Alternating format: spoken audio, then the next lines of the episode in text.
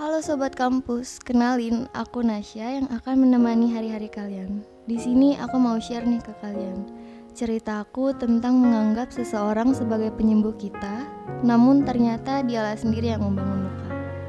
Jadi dengarkan sampai habis ya. Kalian pernah gak sih di tahap udah gak percaya sama yang namanya cinta?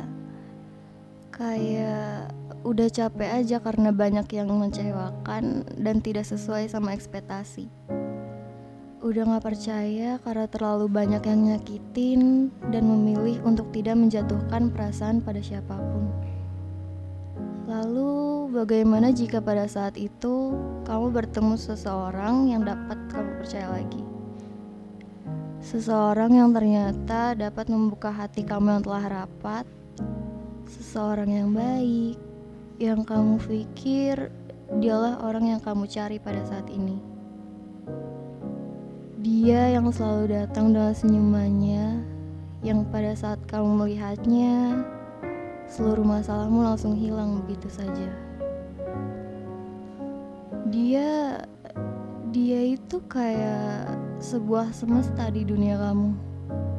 Semesta baru yang kamu butuhkan untuk menjadi sebuah rumah yang menetap untuk kamu. Sebuah rumah yang menjadi pelarian di saat dunia lagi gak berpihak sama kamu. Tapi di sisi lain, kau berpikir, apakah kamu dan dia itu mungkin? Apakah kamu dan dia akan menjadi kita? Kita yang bahagia berdua, kita yang saling mendukung dan menyemangati, yang bahkan kamu pikir itu hanya dapat terjadi dalam mimpi.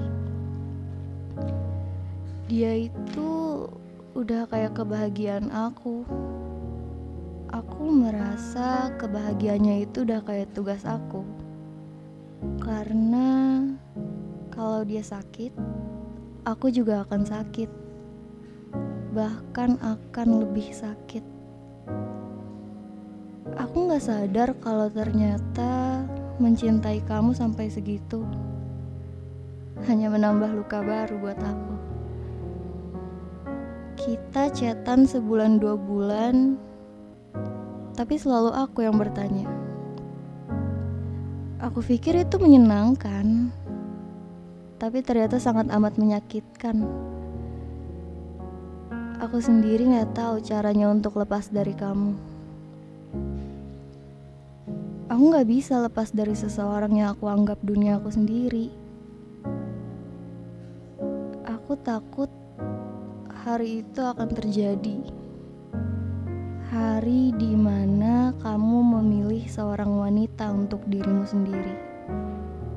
Seorang wanita yang kamu pilih untuk kamu jadikan sebuah pelabuhan tetap untuk hati kamu. Dan aku di sini hanya bisa terdiam. Kamu udah punya dunia kamu sendiri ya. Sedih, pasti. Tapi aku gak bisa ngelarang kebahagiaan kamu. Karena kalau kamu bahagia, aku juga akan bahagia. Seseorang yang aku anggap rumah ternyata hanyalah sebuah kaktus yang tanpa sadar semakin aku memeluknya dengan erat hanya akan terasa sakitnya. Ya, walaupun aku sering terluka, tapi aku selalu ingat hal ini. Ada dua sisi dalam setiap hal, baik dan buruk. Saat kita merasakan suatu kesedihan, percaya deh, pasti akan ada hal baik di samping kesedihan itu. Saat kita udah bisa melihat sisi baik atau sisi positif dari sesuatu, akan lebih mudah untuk menciptakan kembali kebahagiaan yang baru. Oke, okay, sekian dari aku. Terima kasih yang telah mendengarkan tentang episode hari ini.